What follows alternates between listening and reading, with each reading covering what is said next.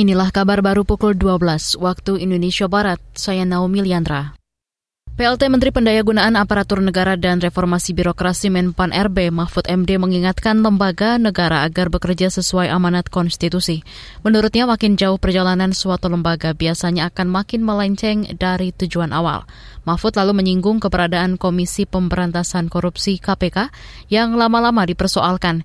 Itu disampaikan Mahfud dalam puncak peringatan hari ulang tahun HUT ke-63 Kementerian PAN RB hari ini. Sama, ketika dulu kita baru punya taruhlah KPK hebat tapi lama-lama lama-lama dipersoalkan. Ketika kita punya MK baru berdiri hebat karena masih dekat dengan sejarah. Lama-lama lama-lama dipersoalkan orang atau menimbulkan pertanyaan. Sama semua institusi itu semakin turun ke generasi-generasi berikutnya terkadang nilai-nilai dasar perjuangannya semakin tergerus. PLT Menpan RB Mahfud MD menambahkan peringatan hari ulang tahun suatu lembaga negara penting untuk menyegarkan tujuan dan tugas konstitusi, sehingga nilai-nilai perjuangan dan tujuan lembaga bisa diimplementasikan secara optimal. Proses otopsi ulang jasad Brigadir Nopriansyah Yosua Huta Barat atau Brigadir J dilakukan di Rumah Sakit Umum Daerah RSUD Sungai Bahar Jambi.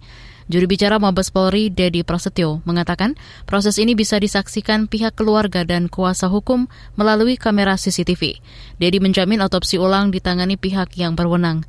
Kepala Departemen Forensik Rumah Sakit Cipto Mangunkusumo RSCM Adi Firman Syah Sugiarto bertindak sebagai ketua tim otopsi. Dilansir dari antara pembongkaran makam dimulai sekitar jam 7.30 pagi tadi.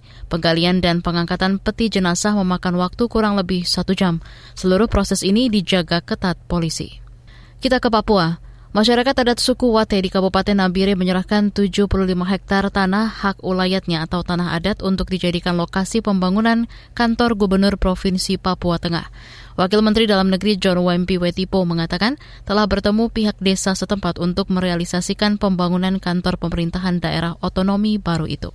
Itu artinya bahwa masyarakat ikut menyetujui untuk mempercepat proses pembangunan di DOB yang baru. Lagi pula dengan masyarakat adat untuk menyiapkan lahan kurang lebih 70 hektar untuk kita bangun kantor gubernur, kantor DPR dan seterusnya. Ini kan ini di luar dari dugaan kami. Ini akan menjadi apa fondasi yang kuat untuk mempersiapkan DOB yang baru di wilayah Papua Tengah ini bisa berjalan dengan baik. Ya. Itu tadi Wakil Menteri Dalam Negeri John Wempi Wetipo. Sementara itu, Kepala Suku Wate Alex Raiki mengatakan dokumen tanah adat telah diserahkan ke John Wempi. Kata dia, penyerahan puluhan hektar tanah adat tersebut merupakan kesepakatan bersama suku Wate sebagai dukungan terbentuknya Provinsi Papua Tengah.